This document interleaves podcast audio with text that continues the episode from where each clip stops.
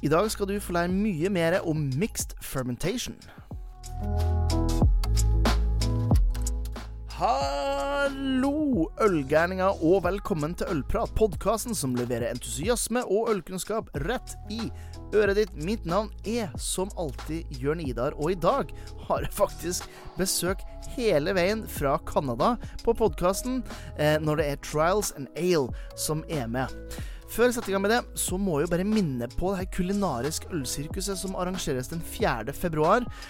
Det er fem kokker, det er fem bryggerier, det er fem deilige retter med øl og øl i glasset til.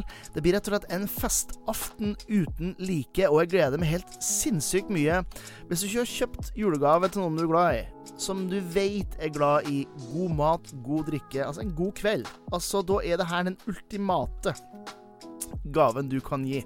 Jeg har lagt linken i shownotesen, eller du kan søke opp Kulinarisk ølsirkus 2023 på Facebook, så får du se bryggeriene, kokkene, eh, matprodusentene som eh, står bak denne kvelden, og så håper jeg å se det. Nå er det nok babbel, fra min side i hvert fall. Det er på tide å fylle kaffekoppen, eventuelt glasset, med noe høyt og skummende. Det er på tide å lene seg tilbake og nyte denne episoden av Ølprat. And you're one of the two guys uh, behind uh, behind uh, Trial and Ale. Indeed, indeed, I am. Yeah, situated in in Edmont, um, Alberta. Yeah, Edmonton, Alberta. Um, so it's kind of it's the prairies on the western side of Canada. Mm. Um, so we're, we're quite cold, even by Norwegian standards. Yep. Um, on the on the way over here, uh, it was quite fun. Uh, the day I left, it was minus seventeen. The day after, it was minus twenty three, and then Oh. of course eight hours later, arriving in Belgium, I think it was seventeen. That Yeah, day. yeah. So it was it was a thirty degree shift in, in weather. So I'm happy to be here today. Thanks for thanks for having me over here in your sultry, balmy weather here in You're- in Norway You're, you're very welcome. in the fall. yeah, in the fall. That's right. Yeah, it it um, uh, my philosophy is it can always always be worse. And that's uh, sort of the idea in terms of Edmonton. as well. Yeah, it could be Edmonton. In Edmonton, you you, could have been in like Iceland. So That's right. Um, yeah, so just mention it. Starting uh, on top here with Trial and Ale, that's a brewery that your uh, you and your partner uh, uh, Jeff B Yep. uh, founded. That's right. Um, a little bit about the, the name, first of all. Yeah, Trial tri- and Ale. Trial and ale. It, it it's resembles something else, like it- trial and error. maybe? Yeah, it's, it's basically throw stuff at the wall, right? Yeah. Like throw shit at the wall didn't look as good on the label, so this this is what we went through. That's that's been our long running joke Yeah. on on the on the name. Uh, we do like, as you know, we we like to talk about. Um, keeping things varying in, in both process and, and how we how we operate Mm. it, keeping that uh, the chaos involved in the process going. And so that's that's where we're always experimenting. We're always trying to figure out you know at the end of the day what we like what we don't like. Um, but m- most of all just at the end of the day we're looking for what do we like to drink? What do we think um, you know our, our our fans and customers would want to drink as well. And that's always been the, the focus from the brewery from day one is you know a little bit throwing caution to the wind. Um, we're not the most traditional brewery obviously from uh, from a number of different ways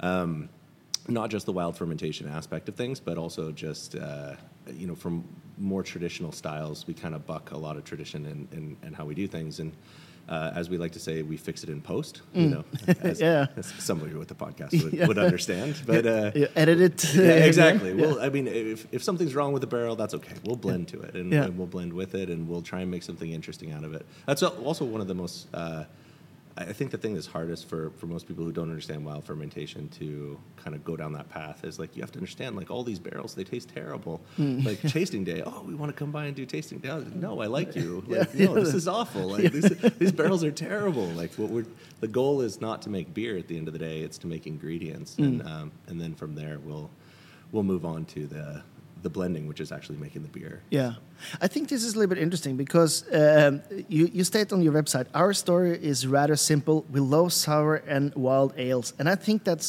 uh, uh, that's not a simple story.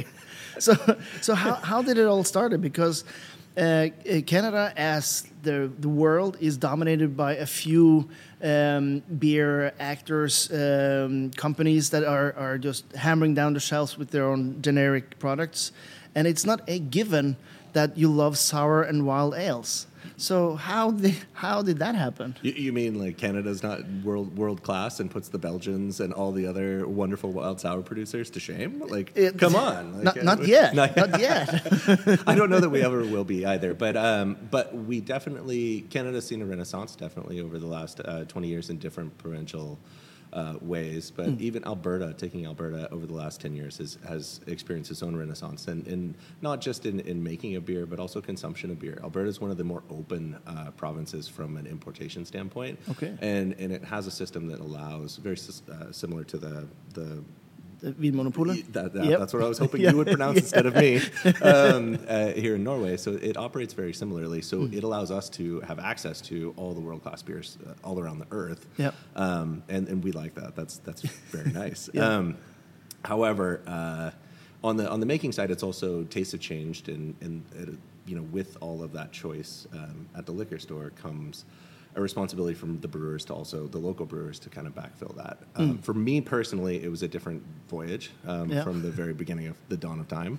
Uh, I actually uh, I uh, went to school in Belgium, so Okay. and and so in Belgium, I was able to uh, obviously taste through at a very impressionable young age um, some of the world class beers that you know most people don't get unless they're in Alberta. Yeah. Um, but uh, with with that, you know, going back. Um, it was it was interesting. Uh, you know, you don't you lost access to that. So, Mm. w- what are you going to do? You're going to start making the worst beer humanly possible, and then and then hope one day you'll get good at it. And especially with these type of beers, I mean, a lot of these microbe sets have evolved out of carboy generational carboy changeovers. Um, you know, in in my mechanical room in my home. Mm. Yeah. So, so as I like to say, somebody's going to buy my house at one point.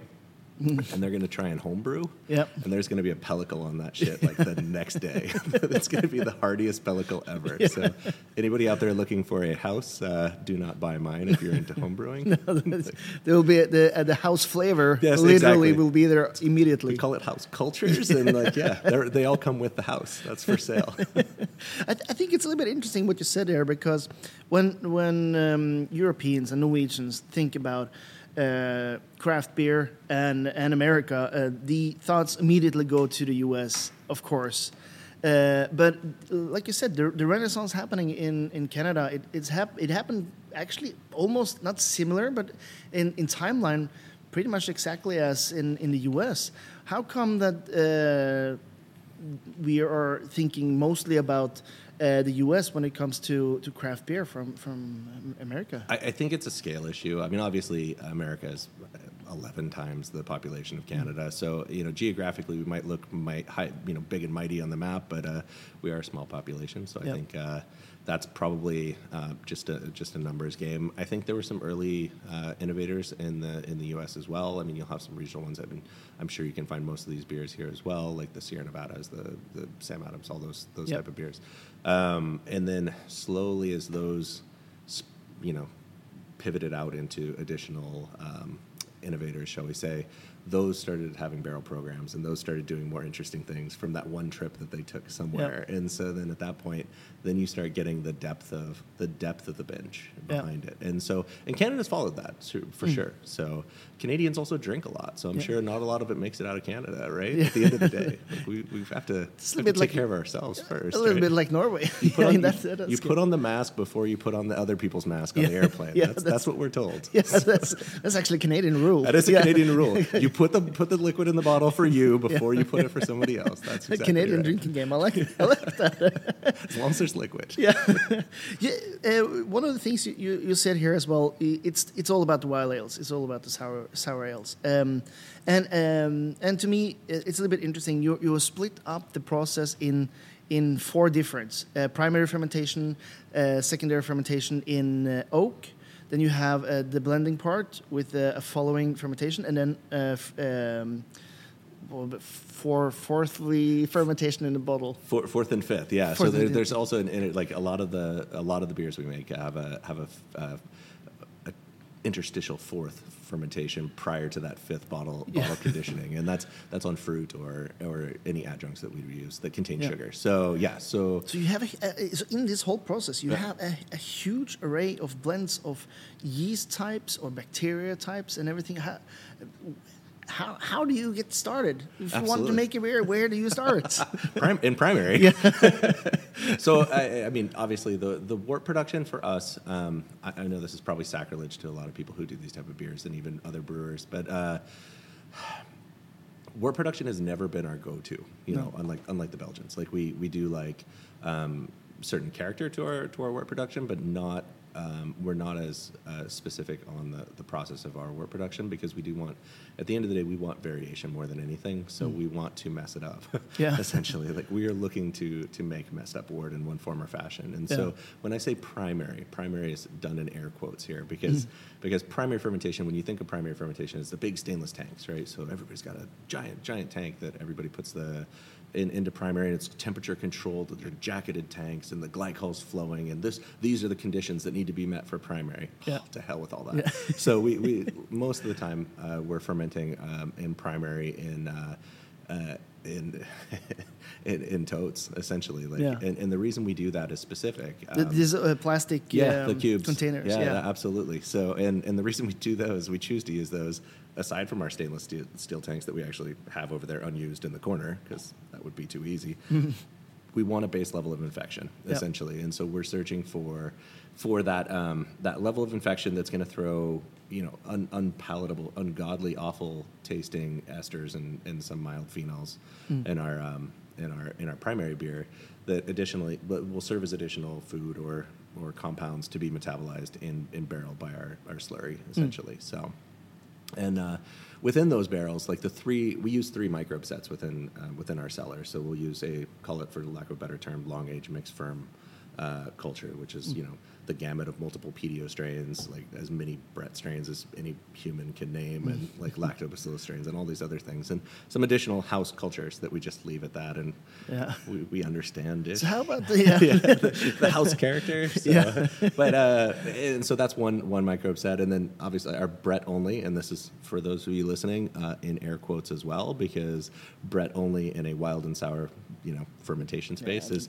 there's always a base level of, of some lactic acid producing bacterial Yeah. infection in, in those barrels. So our saisons come out tart, but very specific in their Brett formations, um, and that's done through multiple Brett strains, the utilization of multiple Brett strains, um, and then our, our base pale sour uh, cultures, which are are just bulletproof. You can throw anything at it. Just just let it let it rip. Yeah. Toss it in there. Guess what happens at the end of that barrel? When you dump one barrel and you fill it back up again, the same shit's happening again. like we love those barrels. Yeah, so. be- because the, the, the barrels is, is a huge thing for for the whole production for you guys. You're using 100% Californian oak? From No, it's all it's all French oak actually. Um, is we, we, Oh, we obtained okay. them, them all from California, so you're, you're correct. Ah. So, but they are all French and cooperage. Um, so we want a French oak, oak mixture.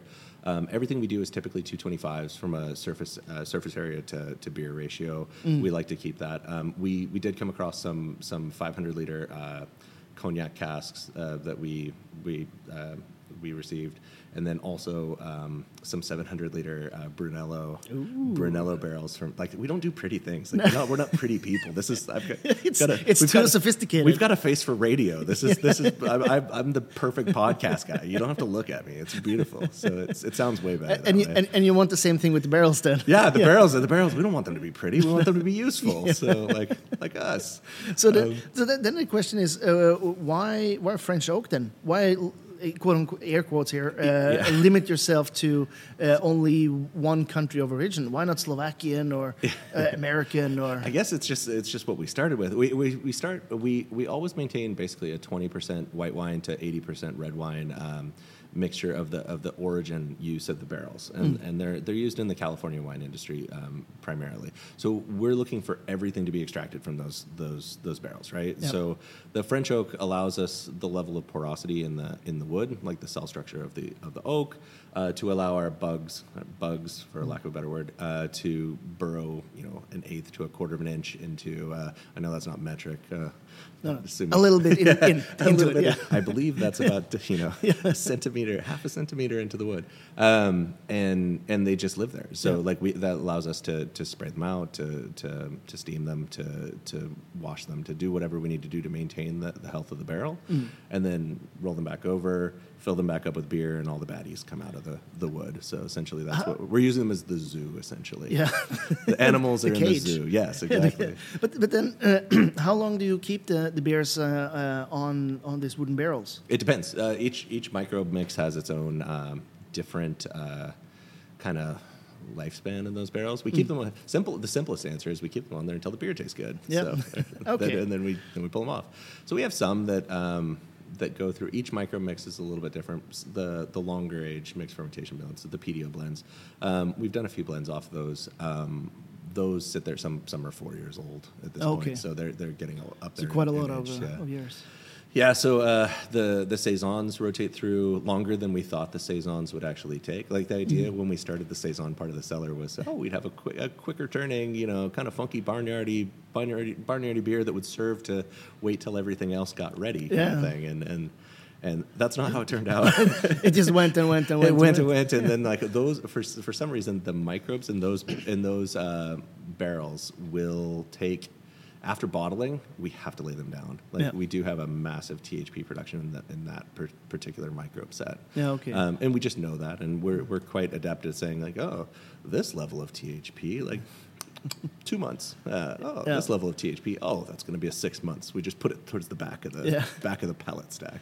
So so you're using basically taste uh, to figure out uh, Yeah. where in the process the barrels are. We are unsophisticated people. Yes, Yeah. like our, our we have fallible little computers in here. Um, that would be our brains, and then even worse probes. Uh, Yeah. and that would be our tongues. And and so we'll taste it.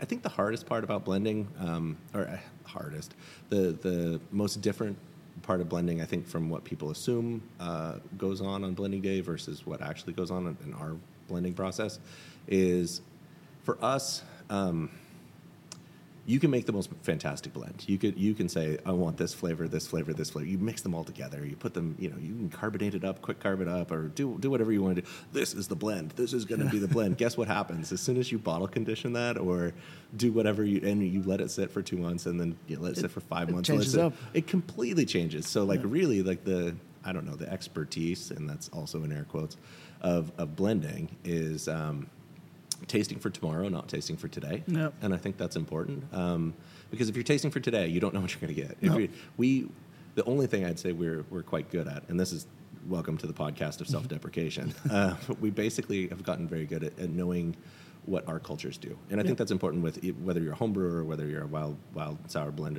or whether whatever you do, just understand what your particular bugs do, not what not what somebody else's bugs do or anything else. Like ours, we we know. I can tell you, like both Jeff and I, like we can taste through a barrel and tell you where it's at. Oh, this is six weeks out. Like er, they go through this phase of copper pennies and like all these things that you just never assume. There's an appley character, and then there's this. It's it's quite interesting. And uh, like while we can chart all those fun things, that's that's cool. But at the end of the day, we just need to know that it's going to be where we want it to be for what we want it to do, Yep. and that's that's really the nerdiest part of of, Of- of it blending. all, yeah. yeah. it's like we don't. Do we know what we're tasting? Sure, we know what we're tasting. Yeah. Is that exciting? No, it's not exciting. Like, what's exciting is saying, like, yes, this thing that doesn't taste anything like what we're it's going to taste like, it we nailed it, and then we know that two months ahead of time. That's the fun part. Fascinating. Dagens episode er presentert av Ølportalen, Norges ledende side for øl og ølnyheter. Her er jeg redaktør og har med meg en helt nydelig gjeng med mennesker som deler masse nyheter nesten daglig fra inn- og utland. Så hvis du er litt over gjennomsnittet interessert i øl, noe du tror siden du hører på en ølpodkast, så vil jeg anbefale å sjekke ut ollportalen.no. Nå er det på tide å gå tilbake til ølprat. Um, so just to, to recap the process so far, uh, you make a wort uh, which is a little bit uh, uh, air quotes dirty or uh, unsophisticated to Yeah. create uh, a good, uh, interesting base flavor. Yeah.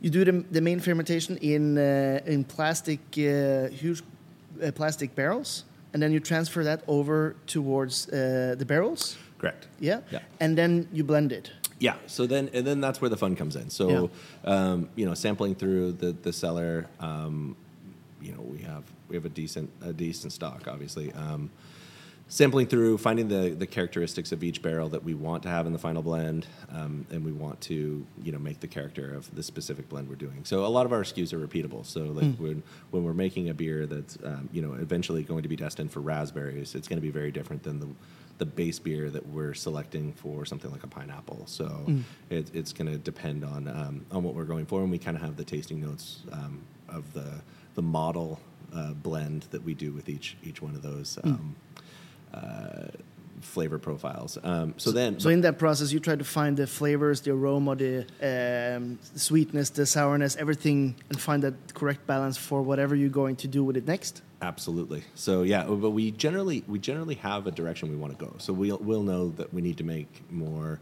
Um, an equatorial detour, which is our, our guava uh, mixed from uh, sour blend, and so like we will pull off a very sp- or we will attempt to f- locate and find and, and blend together um, a specific mixture of, of barrels to to fit the profile of what we know it has to be like before it goes on to guava. So um, and, and from there, um, that's where that third third fermentation occurs. So e- each barrel, the microbes in each barrel are somewhat different. So the, not just from um, from uh, the microbes themselves might be rather similar, but the uh, the quanti- quantities of, of each microbe will differ Yeah. um, and per barrel. And so you're going to have a different fermentation character from each barrel. So when it does get eventually just blended out into a homogenizing tank, uh, that third homogenization, uh, homogenization step is um, is in fact a fermentation, right? So like uh, everything everything goes down to terminal, right? When Yep. terminal of the lowest, Yeah. essentially. so one might be higher than the other. So we we have to let it sit there, and that's also because you know we we place a high degree of of uh, importance on safety when Yep. we're corking corking and caging beers that are intended to be you know saved and cellared for for many years to come. You want to make sure that you know It doesn't explode. it doesn't explode. And so a small amount of sugar can make a very bad day Yeah. a long time from now. So we, we're very cognizant of that. So that homogenization step is, is very important to us because we do need to um, ensure to ourselves that like all fermentations have, you know, have been completed and everything's good depending on the barrels that we choose. Most Yeah. of them, uh, everything we do finishes almost the same. And it's, Yeah. it's like most of these blends are at or under water, um, the gravity of water. Yeah, so like they're, they're quite dry. Yeah, I can im- I can imagine. Then then the question becomes,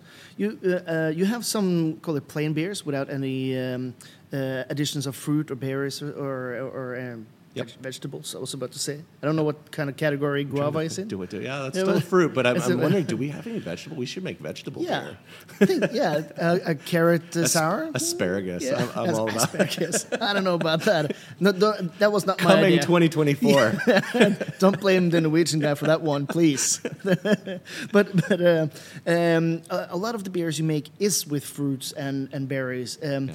Do you start with what kind of fruit you want to use, or what kind of blend uh, you're looking at? fruit. Yeah, Fruit al- always. Yeah, so we're we're directional Blending blending. to- yeah, to the that's right. And so we're trying to make uh, we're trying to make a blend that we feel will be suitable uh, to match the character or the characteristics of that of that particular fruit. Mm. Um, so we we're excited uh, several different times. Like um, we get access to. Um, se- some seasonal varieties, like just being proximity to different places. Uh, so a few, a few. We, if you look through our beer list, we have some rather um, obscure fruit usages, Yeah. I suppose. Like, Example. yeah, so there's three that come to mind actually. so uh, prickly pear from from Mexico. Um, Okay. It's the fruit of the top of the cactus. Yeah. Um, it's delightful. Like that is that's like water, big red flesh fruit, watermelon flavor characteristics. Like, um, but then on the back end, there's a floral note to it, which Okay. is it's just it's beautiful. It's gorgeous. Like we, I, I love that. There's a, there's a salinity and a brininess to it that, that just it's just a confusing ass beer. That's that's the way to. It's it's great. We love that beer. Um, pitahaya, which was uh, dragon fruit, uh, and and dragon fruit is, as anybody who's tasted a dragon fruit can tell you, it's not the most. It's a subtle fruit character. Yep. It's not the most aggressive of fruits. So Nope. w- there's another thing from blend and fruit, and I think this is, this is important is, is quantity of, of fruiting. Right, your fruiting rates do matter, especially with different fruits. Like you're not going to fruit an a peach the same as you're going to fruit like an elderberry. Like No. those two are very, very different, you know, things. So you're going to die if you put too many elderberries, and you're going to die, or you're going to taste nothing if you don't put enough uh, peach. So, Yeah. so with that, um, dragon fruit was a challenge because we were like, I don't know how much to put in. Beats me. Let's just throw it at the wall. Yes, see what happens. We'll put this much fruit in there, and we bought a lot of dragon fruit. Like that, I, I guarantee you, we lost money on that beer. Like there was so much fruit there. There was more money in fruit in that beer than I. Th- I don't. I don't even want to think about it. it. It was crazy how much fruit was in there. We had to split it into two tanks. Okay. Because the headspace, the fruiting Ah. tanks we had weren't big enough because we put so much fruit in there that we had to literally split it in two, and it was delightful. It's a Yeah. great. It's a great beer. So, Yeah. but it just took a lot of fruit. a lot of fruit. and then um, uh, sea buckthorn was the was the other. Uh, oh yeah. that's an interesting one. I mean, for you know, it's a very, uh, you know, up on the earth kind of uh, flavor. This doesn't Yeah. grow in the tropics. You know, this is a northern northern fruit. You Yeah. know, and they're little orange berries, and these little orange berries are battery acid. They are Mm. super acidic little berries. And so I don't know anything about sea buckthorn. Let's let's play with it. Let's Yeah. see what happens. That beer in particular didn't. Uh, oh, I'm going to take a tangent on this. This is going to be fun. Um, let me tell you about sea buckthorn. Yeah. sea, sea buckthorn, uh, the pH is in the twos. Um, and of course, sense. like with with anything that you get, like any fruit, like the first thing you do is kind of you know pull apart a sample, like you know look at the color, do all that stuff. Like I know what I'm doing with sea buckthorn, and then and then you stick your finger in it, and then you put it in your mouth because you're like, what's it taste like? And I would recommend not doing that with sea buckthorn. Sea Yeah. buckthorn is No, a, a- uh, oh, it's a vile little fruit. Don't Yeah. eat that straight. It'll it'll like half my face stopped working. It was like I was drooling. It was bad. It was it was a terrible thing. And then so as soon as I recovered after doing that, I said, "Hey Jeff, come here. I've got something for you. Yeah, surprise. come tr- try this." and so we're both squirming around like after trying this terrible fruit. Um, we put it on fruit. Most uh, most fruits, uh, you know, fruiting isn't complicated. You put a bunch of fruit on beer, and then the beer tastes like fruit. It's great, and color is like fruit too most of the time. So that is not the case with sea buckthorn. No. So two things happened. So one, I'm I'm guessing that the pH was like ridiculously low. Um, uh, to that actually inhibited uh, even Brett fermenting in the, Okay. in the process. So Just it stopped was, it. it was aggressive, and Yeah. so it's it's you know it's very acidic. Um, and then the second thing that happened is uh, sea buckthorn is primarily used by the cosmetics industry, Hmm. and that's because it's it's high in uh, omega three, sixes, and nines. So like it's good for your skin. Not so good for being soluble in solution. So Yep. basically, like you put that on beer, and then guess what happens? Like half of the tank is pure sea buckthorn at the bottom, and the half of it is the base beer that you put in the top. So Yeah. when you pull off the bottom, like oh, you're just getting battery acid. Yeah. when you pull off the top, pipette off the top, then like uh, at that point you're just getting your base beer. Yeah. So it was not soluble in solution at all. So after six months on fruit, we're like, what do we do? We're gonna have to dump this. I don't. Oh, I don't know what. Like, let's not dump it. Let's let's play with it. Let's see what See we what can happens. do. And so that beer, we did the dumbest stuff that no brewer on earth would ever do, and that is basically, um, you know, we had two hypotheses about how to fix this beer. So Mm. one is we needed to dissolve it, like we needed to um, to homogenize the the liquid more. So Mm. that would that would cut the acidity. So then hopefully jump starting fermentation. And then the second thing we wanted to do was we wanted to slap the little uh, globules, like the Yeah. fatty, fatty acids, into submission to get them to be To to- release. Well, to get them to break down from from Brett or just something, be Yeah. be able to you know be taken out. And so the fun part about that is, so we, we did some of the dumbest stuff ever. We we had we had we had paint stir sticks on on drills, you know, swirling tanks. We had recirc tanks going. Like it was, and in the end, we ended up getting it to kick off, and we ended up fermenting it out, and we ended up uh, getting it to homogenize um, and actually you know go into solution like Yeah. the flavor and everything else and it became like that was a labor of love Yeah. will, I, will i ever will i ever use sea buckthorn again Fuck no however that beer is special like I, I, I think what what you're what you're describing here is a uh, fairly unique way of of making beer, because uh, there's a big difference in what you're doing and in creating a fruited sour beer. So if you have a um, let's just throw that out- there, a raspberry smoothie sour, for instance, that's usually a decent base product which is just soured and then added some puree, or if you're super lucky, it's the actual actual fruit.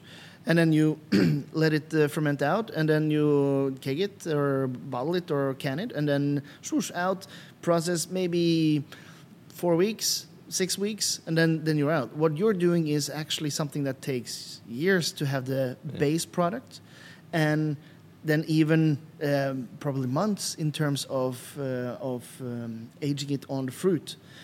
how how do you communicate this to an, an average beer drinker more interested in what the Untappd score is than what actual fruit is being put into it? And I'm I'm as you can hear, I am not a huge fan of Untappd, but uh, I respect people. That's fair. that That's do fair. it, but uh, it's a great question. I mean, that's a that's a deep that's a deep pensive question. I mean, so and we've struggled with that from day one, right? And so when you think about it, like for example, like we have black the last blackberry saison we did. I, I want to say that that beer was probably brewed three years ago, Yeah. and, and it's still in in stock. It's drinking quite nicely Mm. right now. I mean, just like you know, just in the last few months, did that turn the corner and just become the amazing beer that we wanted to blend for? Like it was just they take a long time, right? And so I think at the end of the day, you you know that that like when you taste it, it it's going to differentiate itself. The, the, the challenge for us from the beginning has always been how do we differentiate in a in an umbrella category that's called sour. I mean, sour. Let's well, sour. It's, it's acidic. Yeah. Great. I mean, yeah. All beer is acidic. All beer Yeah. is sour. Yeah. It's like how sour is it? We don't know. So, and you could make the most acid forward, aggressively teeth melting sour beer in two weeks if you wanted to. That's fine.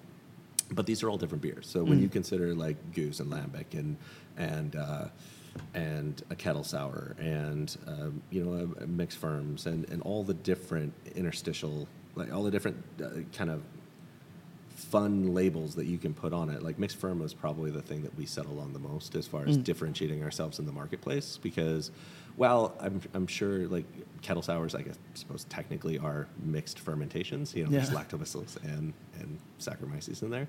Um, I wouldn't go as far to, as to call you know a kettle sour a mixed ferm, but No. when you when you look at mixed ferm, like our URL, if you go to our website, everybody listening, uh, go to go to mixedfermentation.com. I mean, that's what we settled on originally because that was what we thought conveyed the most accurate uh, delineation of where we were in the marketplace. Yeah, makes you know, sense. we're not we're not gueuze, we're not lambic, we're not we're not kettle sours. What the hell are we? Yeah. Like, we still ask ourselves daily, like, what the hell are we? Like, what, what are we doing here? Jeez. It's like the, the age old question: uh, What is the meaning of life? Right. Yes, exactly. So, and when the answer is not 42, Yeah. then yeah. I was off by 10. All right, fair enough. Yeah.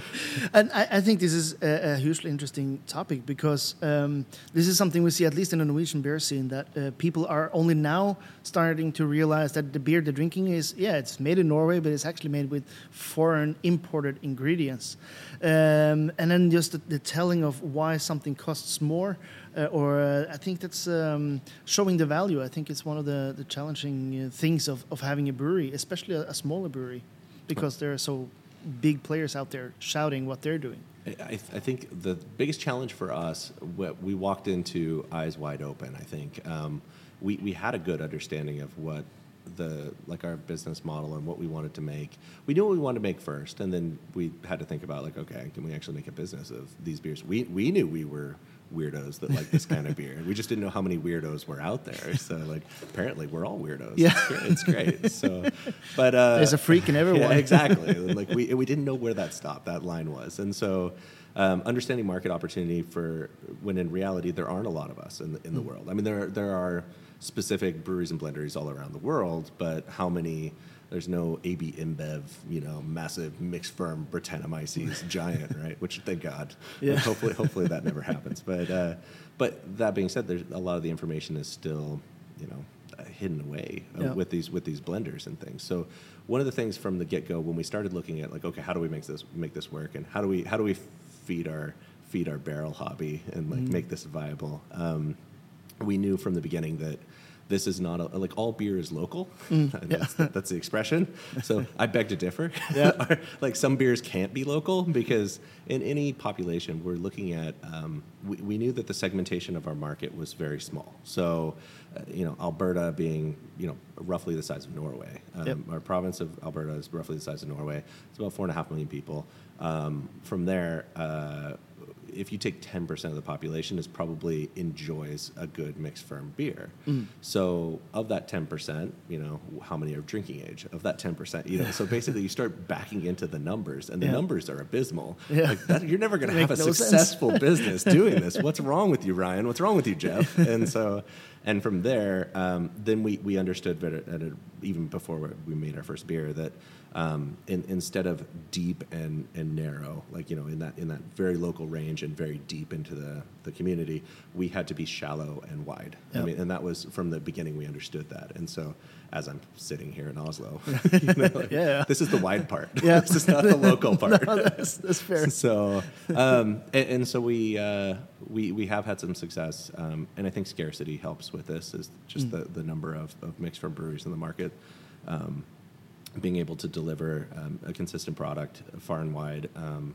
we had to become very good at logistics. Yep. And so that's one of the things that I mean. I, how many brewers are talking to you about like, you know, the the best stacking configurations of pallets and, and, and what LCL container regulations are for for, for pallet height. Yeah. Like I can tell you all about that Yeah. stuff. So because it's part of our it's it's part of what allows us to do what we can do, and, Yep. and that's we do find that important. Yeah, you you uh, um, the customer uh, doesn't find you; you find the customer almost. A little bit of you have- both. you have a little bit of both. Yeah. I mean, we. I mean, so as it's changed over the years because um, you know as our beer travels further and further, uh, people experience Trial & Ale in other markets, and then when they experience in other markets, they go back to their markets, Yeah. and so then that. And then we- find out why isn't we making this here? And like there is no one crazy as, as, as Jeff. Uh, yeah, no, Ryan Jeff, Jeff. Jeff and Ryan are just silly people with bad bad brains and uh, and even worse tongues. It's it's great. I think that you brought up something fun. and I don't know that this is going to come up any other time in this conversation, so I'm just going to bring it up because this is fun. Uh, so, what I love most about the mixed ferm world, right, and all the all the brewers and and and people who enjoy mixed ferm around the world, when we write our copy on the side of the bottles or on the side of the kegs or whatever on our website, when we're talking about mixed ferm, so there's a specific individual who understands mixed fermentation uh, beers, and, and and that specific person is a, a, a, just a sick human. And, and and the reason the reason I say that is because one of the, the fun game that we all play as mixed fermentation blenders and, and breweries, um, where even if you're putting out a specialty barrel barrel release in a clean brewery once a year. I mean, basically, the, the game is to how badly can you describe what your product's flavor profile is, and have people not only say, "Yeah, I want to buy that," but be like, "Yeah, I can taste that." You know, it's it's like burning, you know, burning garden hose and like the, the traditional horse blanket. That's that's passe. Like now we're getting into the like I taste notes of, you know, asteroids being exploded over unicorns. Like it's great. Uh, It's it's a very good point. Uh, uh, there is a few categories of uh, of any beverage that is as colorfully described as wild fermented uh, beers. burning garden hose. I mean, like, pour me a glass. Ooh, that sounds like me. exactly. Like the dirtier, the better. And that's and that's a badge of honor. It's it's also like what um, what drives us. I mean, one of the, the things that I enjoy uh, blending to the most is, uh, you know, how how dirty of a nose can you achieve through blending, but have a smooth, kind of restrained, like like just a just a fight in your nose, and then it hits your lips, and you're like, no, that's quite quite refreshing. I thought I was going to get punched. like it's all right. Okay, yeah, this is this is quite tasty. I, So I, I, the fun thing. I find I find the the um, uh, I won't say the, the mental side of blending, but the the aspect of blending very fascinating. Uh, uh, about a year or two ago, I had um, uh, Rudi from uh, Rodenbach, Okay. uh, the master blender there for 40 years, and he also has a hugely interesting way of describing his job because the majority of, of brewers that you will meet uh, anywhere in the world it's usually the same thing um, how many hours a day do you sip and then uh, you buy raw materials and then you do the logistics and then there is like 5% where you actually brew beer.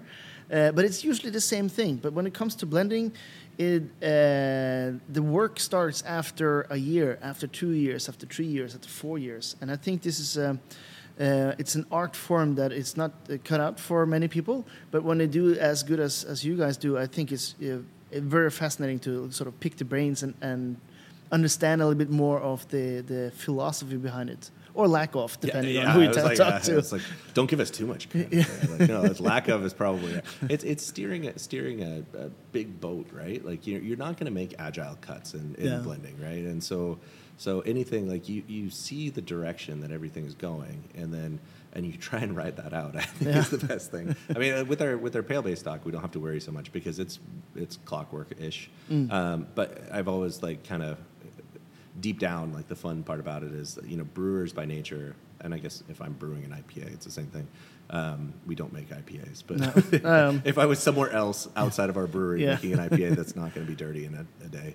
Um, it's very process based, right? Yep. So everything in beer is very process based. So do this at these temperatures with these ingredients at this this time interval and and for this long, and guess what you have at the end? You have beer. Yeah. So um, Do you with- think that's a little bit limiting in terms of the industry we're in? That you're sort of removing the human aspect of beer brewing because it's all about the process and routines? I think probably for a long time it wasn't, um, but at, like with everything, I think efficiency in the world is is the thing that is is the worst that's happened to the to the earth essentially. Yeah. Like once once we've understood things to a point that we have created an efficient process and, and repeatable performance, then at that point, like where, where's the art in it? And Yeah. that that's sad and that's scary. So I mean, that's not to take away anything from. I mean, there's an art form in every single brewer. Um, Oh yeah, But- not taken away from, No, but no. as as a as a general concept of the Yeah. brewing industry. Absolutely, and we don't have any of that shit. No. you know, we're we're the worst example of that. We're basically we you know shoot first, aim later kind of thing. And if it's going this direction, what can we do with it? And how creative can we get? The creativity of blending is really in where it's going to go, and understanding where it's going to go. And once you know where it's going to go, all right, well, how do you convey that to the consumer? So and so there's the simple test that we go through each time is. Um, when the when we taste is this going to be disparate enough from from prior blends to warrant its own thing? Is it its own unique thing? If it's not then we pick different barrels and go go different routes. So can we make something unique? Second well first can we make what we're trying to make? And then you know sometimes that doesn't work as well. So then oh okay can we make something unique that is truly unique whether it's fruited unfruited fruited or anything else? Is this a different character that's really going to produce a different result? Um, and then third like all right, is there anything here we need to be worried about? You know, the, there's the constant panic. Like the, the one thing I am jealous of, of conventional, like traditional um, clean brewers, uh, in is the fact that um, every summer, um, every brewery on the planet gets you know fruit flies, right? And so like you know in June, June, July, August, a couple couple months. It's usually about a month and a half to two months. We get we get a pretty good amount of fruit flies. Um, and if you're a clean brewer, like it's it's kind of gross having fruit flies buzzing around your taps. You know, like that's that's you do what you can. You clean them up. You know, like you make them make them go away. Do all that stuff. Put out some traps most of the traps are vinegar based, right? Yeah. So, like anything you that you can trap fruit flies with is has to be a stronger fermentation than we have a whole warehouse of. We don't want that. so, and then we're just introducing acetobacter to our to our warehouse. So, so basically, the only solution we found to this is basically for for two months we we you know adhere to our normal cleaning regimen, but then also we're uh, we're running around like you know Obi Wan Kenobi with like the electric tennis rackets, and so two months of our lives are just used like just basically murdering fruit flies by the thousands, and it's that's I mean, but that's that's what you it works for our process, and we have to we have to do that like, Yeah. because that's what we've always done, and the reason we do that is to prevent acetobacter transfer, and uh, and then the other thing I'd say we do that's kind of unique in that uh, perspective is. Um, uh, you touched on this earlier, where um, you don't always make what you want to make, right? So, for example, I like the big Parmesan Brett character. I like Horse Blanket. I like the dirtier nose, the better. Like Yeah. everything about it should just be fun. Is that the Brett Brett character we have in our brewery? No, it's not. like I like our Brett character too, but it's just it's very different. Like Yeah. instead of that barnyard and and um, and, and true like Parmesan funk kind of character, like we have a subdued almost uh, kind of hay straw, um, very silky, softer, softer Brett character, and and that's that comes from you know the truly awful practice of just treating Brett like shit. You Yeah. know, essentially, we, we want we want the stress um, on Brett, so that's why we're primary we primary using um, a variety of. Uh, saison di- diastaticus strains and, and to basically starve Brett. Like these finish very very dry prior to going into the barrel, and so creating that uh, that stress environment for Brett produces what we do. And like temperature, be damned. Like Yeah. uh, what time of year is it? Yeah. It's fine. We keep it moderately temperature controlled in the warehouse um, to where we need it to. But that type of thing is just it's always kind of interesting. Um, seeing what you're able to produce repeatably with your set of microbes and then blending creatively to that um, to that ability, I think is the, the, the big takeaway from it. I like that. It's, go, it's a little bit back to it's a little bit back to the old school ways of, of doing stuff. It's the same. Uh, I'm a chef uh, or, originally, and it's the same thing.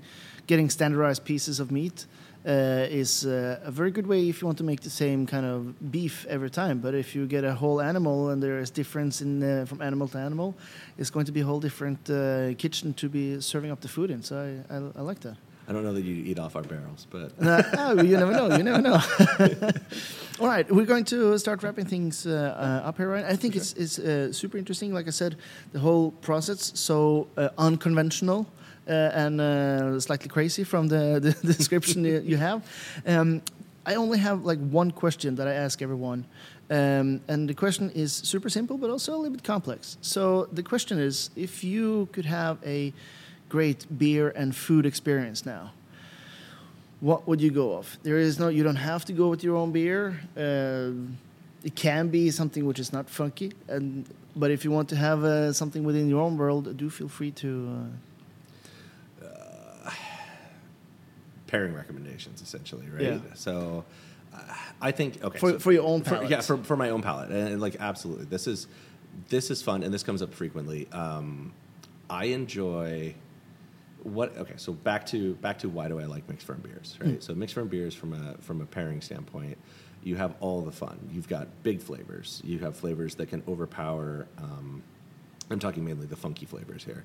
Um, you can overpower a lot of, of flavors that come out in more complex dishes, right? So, and and the I think a chef's best friend, period, is is acid. And so whether it's it's pairing from a from a cutting standpoint with, um, you know, acids with uh, with fatty delectable savory dishes or or just brightening things up. So like okay so like from a from a perspective of, of just bringing joy into the world um, which is i mean you're making something whether you're a chef making something whether you're making plastic toys or whether you're making a brick or whether you're making a, a, a wild beer you're, you're bringing something into the world. So you're bringing joy into the world essentially. And that joy that you're bringing into the world is in the in the you know usability of it, and so that usability from a from a, a standpoint of the mixed ferm aspect, that acidity being able to brighten things up and bring things to the foreground, not necessarily having to be the star, but also being like the co-star with with the plate. I think that's the thing that I enjoy the most. And any mm-hmm. pairing in general, it doesn't like like meets like. Yeah, okay, you can do all the traditional mm-hmm. pairing stuff all day in and day out, but at the end of the day, what is going to what's going to make the food you're tasting better from a beverage standpoint and what is going to make that beverage that you're drinking better from a food standpoint. So if you if you can achieve that like amazing aspect of both both heightening each other i would say either fatty or or briny like seafoody briny is always good um, with with mixed fermentation beers. And if you can personally speaking if you can incorporate the biggest funk and acid into something and that like that's just that's where i'm always going to you know and try and end up. Yeah. so Ending it with a uh, slightly crazy, uh, Bretty, funky beer with uh, a good seafood. Uh, But If it's strictly Brett, I mean, strictly Brett is great. Um, I love big, funky, non non acid forward Brett with um, with barbecue with Yeah. with uh, like the roastiest thing. So roast, I find roast and funk are, are great together. I find acid and like oysters. I, I love oysters. Oysters are amazing. So toss some toss some mignonette that's reduced down from a from a mixed ferm like sour sour uh, uh, ale and uh, and put that into there. You can't you can't get any better than that. so on the sour side, definitely acids acids and brines. But uh, on the funky side, give me some roast Yeah. with with some big Brett saison, and I'll be all right. very nice. Thank you very much uh, for a talk, uh, Ryan. I appreciate the time. Uh, and uh, yeah, you better enjoy Norway before you go back and freeze your ass off. I plan to. Yeah. All right. Thank you for the talk. Cheers. Tusen takk til Ryan for en meget interessant, lærerik og god ølprat. Og ikke minst tusen takk til det som hørte på. Altså, det er helt nydelig å ha dere ølgærninger med på det her fantastiske øltoget. Og det er jo plass til flere. Så tips en eh, venn, en kompis, en venninne, en nabo, en onkel, en eh, postmann om ølprat, sånn at vi får flere inn på det her eh, deilige øltoget. Sånn at vi blir enda flere millioner av millioner av lyttere. Eh, Fram til du har gjort det, så får du huske på kanskje noe av det viktigste eh, av lærdom jeg har å by på i den podkasten her, og det er nemlig det at livet er altfor kort for å drikke dårlig øl.